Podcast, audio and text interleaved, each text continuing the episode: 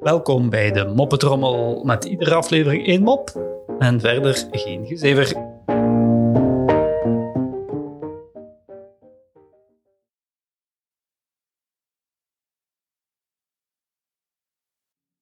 Een dokter vraagt aan zijn stagiair om hem een voormiddag te vervangen.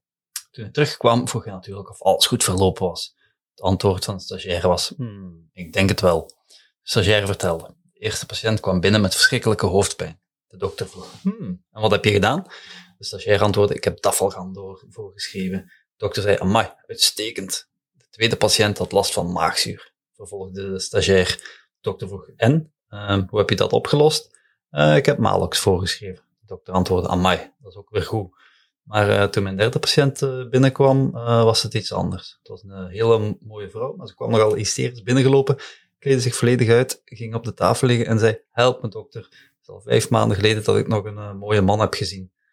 De dokter vroeg, "Hmm, en wat heb je daarmee gedaan? Waarop de stagiair antwoordde, "Hmm, ik heb eh, oogdruppels voorgeschreven.